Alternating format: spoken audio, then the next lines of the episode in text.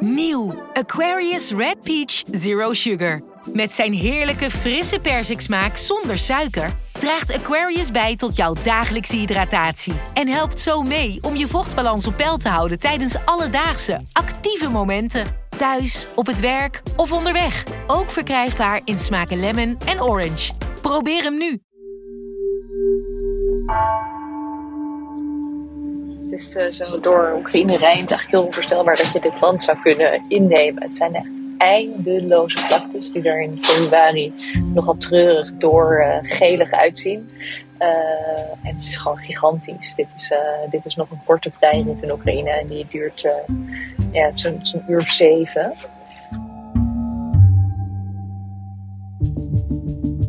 Vanaf de redactie van NRC het verhaal van vandaag. Mijn naam is Egbert Kalsen.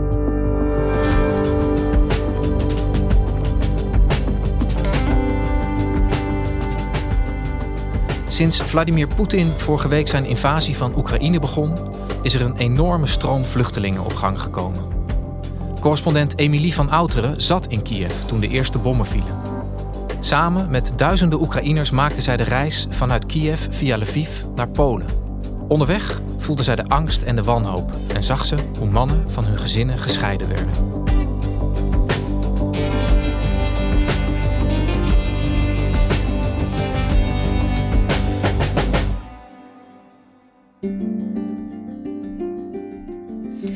Afgelopen woensdag was ik voor de krant in Kiev. Ik was de hele dag op pad geweest om jonge mannen te interviewen over wat zij van plan waren als er oorlog zou komen. Mocht er oorlog komen, zouden ze gaan vechten, zouden ze vluchten, zouden ze zich verstoppen.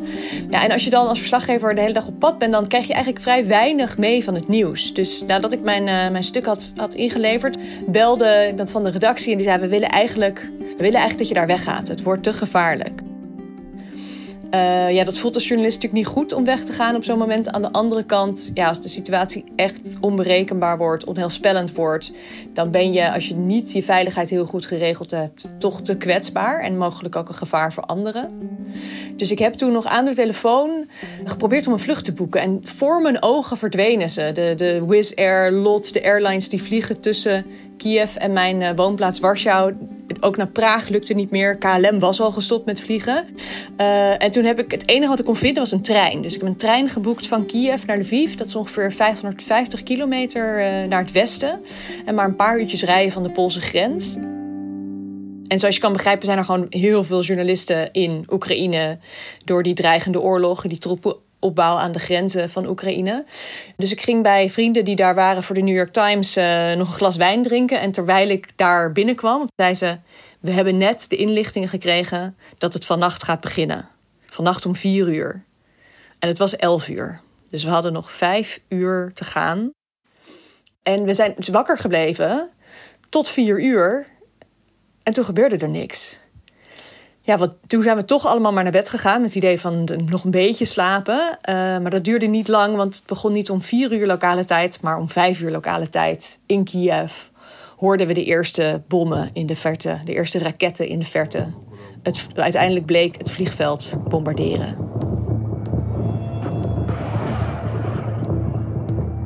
En daarna kwamen de sirenes, dus het luchtalarm van, van zoekdekking. En dat is uh, bedoeld voor mensen om naar schuilkelders te gaan, maar die zijn er lang niet voor alle 3 miljoen inwoners van Kiev. En vervolgens ben ik ja, gewoon met een, met, een, met een Uber naar het station gegaan. Het is uh, gek genoeg tegelijkertijd heel druk en eigenlijk vrij rustig op het uh, station in Kiev, waar ik ben op deze donderdagmiddag. Alles heeft vertraging, wordt omgeroepen. En uh, ja, honderden mensen hier. Veel, veel buitenlanders. Veel mensen die uh, ja, hier niet vandaan komen en het te heet onder de voeten wordt. En, en veel Oekraïners die uh, ja, naar huis gaan, die, die zelf uit het westen komen.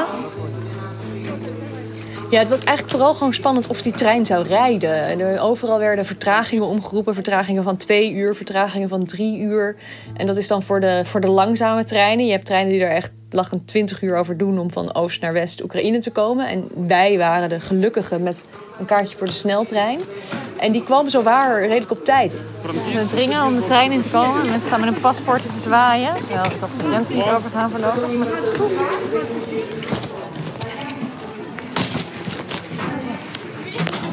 in de trein. Hij rijdt nog niet. Ik ben in een trein. Gangpad was vol. De, de, mensen stonden daar zenuwachtig te roken tijdens de rit. En uh, veel kinderen en huisdieren mee. Mensen zijn op zoek naar hun uh, coupé. Het zijn van die zes zitjes met de ramen aan één kant. Maar uh, ja, huisdieren. Ik zag katten, maar ook een soort hele grote ratachtige mot. Ik herken het echt niet. Maar het was vooral opluchting dat we, dat we wegreden uit Kiev. Dat in ieder geval westwaarts vluchten ten opzichte van waar het Russische geweld vandaan komt. Maar goed, dit eh, zijn eh, de gelukkige mensen die een snelle, snelle rit hebben naar het westen. Want uh, de files schijnen onbeschrijfelijk lang te zijn. Ik uh, sprak met iemand wiens kinderen in de file staan en die, die komen nauwelijks Kiev uit.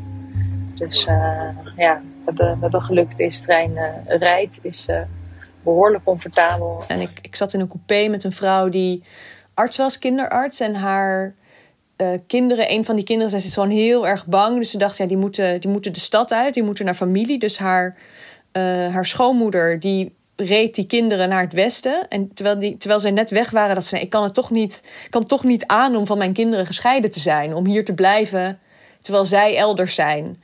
Dus toen heeft ze alsnog een treinkaartje bemachtigd en zat in haar eentje in die trein. Maar Um, de file was zodanig dat haar, haar kinderen nauwelijks Kiev uitkwamen. Dus ze raakte eigenlijk steeds, letterlijk steeds verder van ze verwijderd.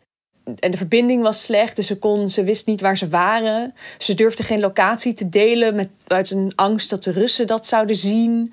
Dus er was gewoon heel veel angst, onzekerheid, zorgen over, zorgen over anderen ook vooral. Ik bedoel, wij zaten in die trein, die trein reed. Maar wat lieten mensen achter? Daar maakten ze zich heel veel zorgen over. Het is na zes uur rijden echt in sommige coupés heel onaangenaam. Het ruikt heel onaangenaam. Iedereen gaat hier te roken op de gang, uh, zenuwachtig aan een sigaret te trekken. En uh, ja, angst, zweet ruikt toch ook gewoon anders dan sportief zweet. Het begint, ja, het begint gewoon een beetje onaangenaam te worden. Met zoveel mensen zo dicht op elkaar. Gangen volgestouwd met, met koffers, kinderen, huisdieren. Um, ik hoop voor iedereen dat ze dat angstzweet vanavond ook weer af kunnen douchen.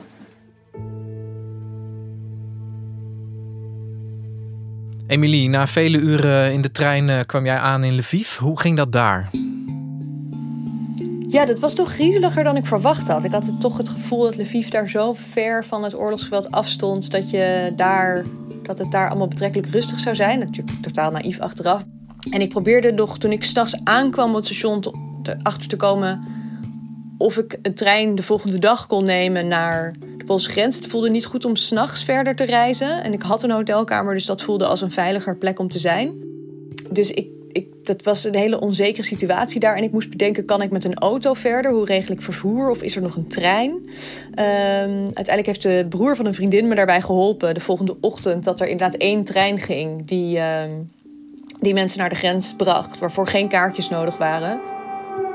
Dus ik zat in een taxi in een, in een file naar het station. En toen ging die sirene af. Sorry, can you turn the radio down a little? Sure.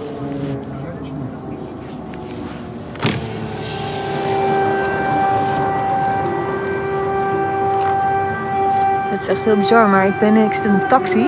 Wat misschien ook niet helemaal veilig is en het luchtalarm gaat af hier in Lviv. En helemaal niemand reageert erop. Uh, dat vind ik, misschien is dat een heel optimistisch teken. Misschien een heel slecht idee. Toen, ja, daar op het station was het veel onrustiger dan in Kiev. Het luchtalarm ging net af, maar er was daar eigenlijk geen plek om dekking te zoeken. Zo'n station heeft, het is, dat is Centraal Station Amsterdam, zo'n grote glazen kap. Waar je dan ook meteen allerlei dingen bij gaat voorstellen als het, uh, wat daarmee gebeurt als het, uh, als het misgaat. Dus dat was echt een hele ja, onheilspellende situatie. Ik uh, ben op station in uh, Lviv op dit moment, waar we al uren op een trein staan te wachten. Die er nu aan lijkt te komen. En uh, nou, dit, ja, het ziet er niet naar uit dat we er allemaal in passen. En toen kwam de trein en ik kon heel slecht inschatten hoeveel mensen er op en rond dat perron waren die die trein in zouden willen.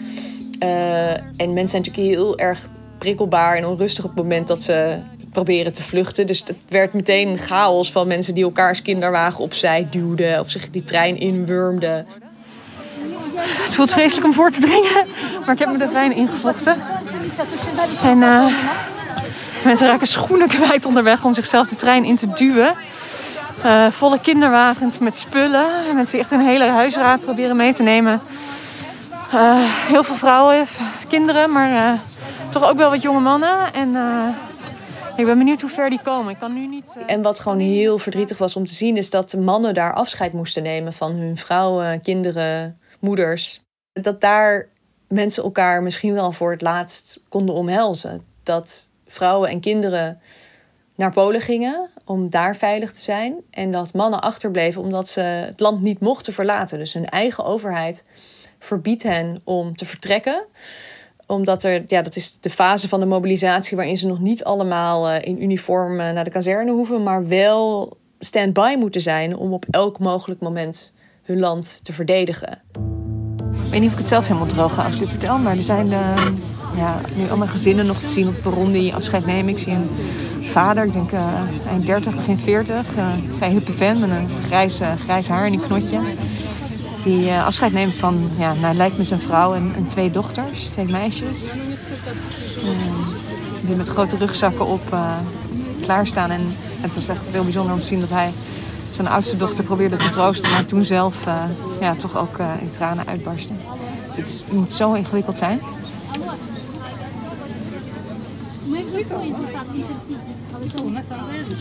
Je niet weet wanneer je ze weer terugziet. En waar. En, wat er dan nog van je land over is.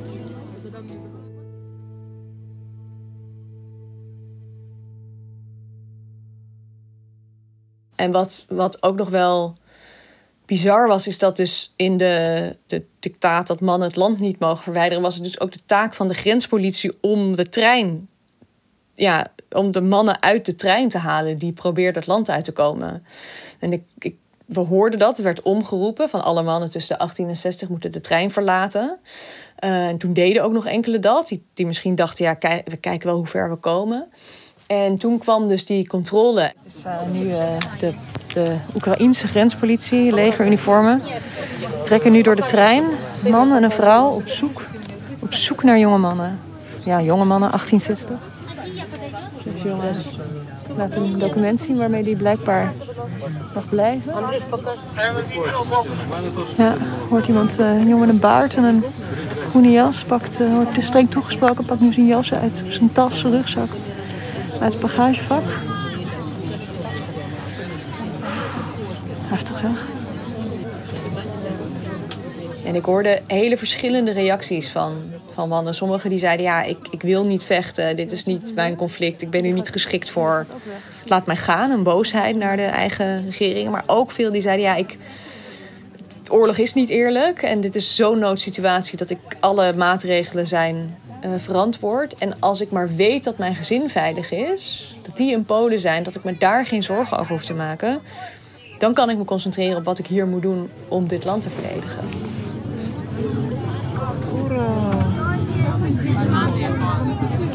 Het is een wonder. Het is uh, tien voor vier. De trein zou om twintig over twaalf vertrekken. Maar uh, ja, er wordt hier gejoeld en gejuicht. En uh, iedereen is enorm opgelucht. Ik heb geen idee hoe lang het is naar Polen. Ik weet wel dat mijn batterij bijna leeg is. Dus dit is de laatste die keer spreek. Maar ja, enorm opgelucht.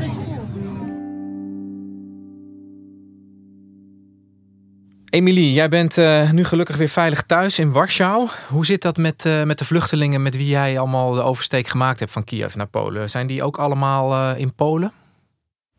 Ja, iedereen die in die trein zat heeft bestemming bereikt. Niet per se zijn eindbestemming, maar in ieder geval de Europese Unie, een NAVO-land. Een plek waar ze veilig denken te zijn. De grote opluchting was eigenlijk toen we de, de grens overgingen. Daarna was het, we reden door tot aan het station. Dat is gewoon een, dat is een internationale trein die daar regelmatig aankomt met vanuit een niet-EU-land in een EU-land. Dus daar is gewoon een paspoortcontrole, zoals je die ook op een, op een vliegveld hebt. En dat gebeurde eigenlijk heel ordelijk. Werden per, per wagon werden mensen uit de trein gelaten en uh, moest je in de rij staan. En Polen heeft, heeft gezegd: alle migranten toe te laten. Dus we kregen, je kreeg een sms'je toen je de grens overging van uh, als u het uh, conflict in Oekraïne ontvlucht, wees, u bent van harte welkom. En dat is wel bijzonder, want ik ben een half jaar geleden aan de grens met Wit-Rusland geweest, waar migranten uit met name Irak en Syrië en Afghanistan probeerden via Minsk Europa te bereiken. En die kregen hele andere sms'jes. Ga terug naar Minsk, er is tegen u gelogen, de grens is gesloten. U bent niet welkom. Nou, totaal anders dus dan, dan nu. Uh, ja, en mensen moesten gewoon hun, hun documenten laten zien. Oekraïners kunnen zonder visum uh, drie maanden in de EU zijn. En er is nu aangekondigd dat dat in ieder geval drie jaar wordt voor Oekraïners. En de ontvangst is echt hartverwarmend geweest. Ik heb echt diverse mensen uh, die mij al nadat ik zelf het station had verlaten hulp aan, aanboden. Flesjes water, kunnen we je koffer dragen? Heb je een plek om te slapen? Ik heb ook allerlei vrienden hier in Warschau waar ik woon die naar de grens zijn gereden om mensen te helpen. En dan vooral om mensen verder te helpen. En de Poolse autoriteiten hebben gymzalen ingericht waar mensen terecht kunnen. Ja, en sommige Oekraïners hebben ook best de middelen om een, om het een tijdje uit te zingen. En hebben gewoon een hotelkamer voor zichzelf en hun gezin geboekt. Om even tot rust te komen voordat ze beslissen of en waar ze verder naartoe gaan. En weet jij bij benadering hoeveel vluchtelingen er inmiddels eh, de grens zijn overgestoken uit Oekraïne? Ja, ik las op maandagochtend dat er 120.000 mensen de grenzen met Polen, grensposten met Polen zijn overgekomen. En in totaal, en dat zijn dus ook andere buurlanden, Hongarije, Slowakije, Roemenië en zelfs Moldavië. In totaal al 200.000 mensen maandag de grens zijn overgekomen. En Polen is voor veel Oekraïners een logische bestemming, omdat de, de verbinding relatief goed is, eh, de taal nabij is en hier dus relatief veel Oekraïners al wonen. Dus dat maakt dat dit een, een logische, logische bestemming is voor veel mensen. Weet jij of er inmiddels ook plannen zijn om Polen te helpen vanuit Europa om die vluchtelingenstroom in goede banen te leiden? Hebben andere landen zich al gemeld dat die Oekraïners ook daar welkom zijn? Nou, er, is van, er is wel collectief afgesproken dat Oekraïners welkom zijn. En er wordt nu op Europees niveau gekeken aan hoe, hoe we dat precies moeten inrichten. Uh, de vraag is heel, veel, heel erg nog hoeveel mensen hebben langdurig opvang nodig. Als Oekraïners hier gewoon kunnen werken, familie hebben, als Oekraïners hier vrienden hebben, dan hoeven ze niet uh, langdurig in uh, eh, AZC's door te brengen met eindeloze asielprocedures. En dat, dat maakt natuurlijk wel uit voor de opvang ook in heel Europa en zeker hier in Polen ook. Asielzoekerscentra zijn hier in principe gesloten. Mensen worden hier echt opgesloten tijdens hun procedure. En daar is voor die Oekraïners helemaal geen sprake van. Dus daar zal echt een hele aparte infrastructuur opgezet moeten worden voor de mensen die langdurig echt een dak boven hun hoofd nodig hebben. Um, en dat zal lang niet iedereen zijn, maar mocht het er 7 miljoen worden, dan, ja, dan is daar natuurlijk wel. Dat is dat natuurlijk een hele enorme operatie die niet, Polen niet alleen zal ondernemen. En uh, de, de stad Warschau, hoe is die onder deze stroom vluchtelingen? Merk je op straat ook dat dit allemaal gaande is? Ja, ik heb eh, echt uh, enorm overweldigend veel blauw-gele vlaggen gezien hier de, de afgelopen twee dagen. Dus dat ik terug ben. Dus een demonstratie geweest. Zoals ook in Amsterdam en elders om steun uit te spreken voor Oekraïne. Ik, heb, ik woon tegenover een stadsdeelkantoor. Daar hangt nu naast de Europese en de Poolse vlag ook de Oekraïense vlag. Dus ja, het land is enorm bezig met, uh, met steun aan Oekraïne, maar ook angst. Ook van kunnen wij de volgende zijn? Want het is niet logisch dat Vladimir Poetin een NAVO-land aanvalt, maar kunnen wij logica en Poetin nog in één zin omschrijven na wat er de afgelopen week gebeurd is? Die onzekerheid, wat er hierna nog kan gebeuren, hoe deze oorlog in Europa nog verder kan escaleren, die wordt in Warschau echt heel erg gevoeld. Solidariteit en angst tegelijk. Dankjewel voor je verhaal, Emily. Ja, jullie bedankt.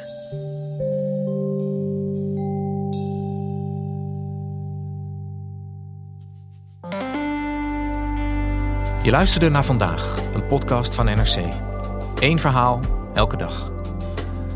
Deze aflevering werd gemaakt door Allegria Joannidis, Anna Korterink en Jeppe van Kesteren. Dit was vandaag, morgen weer.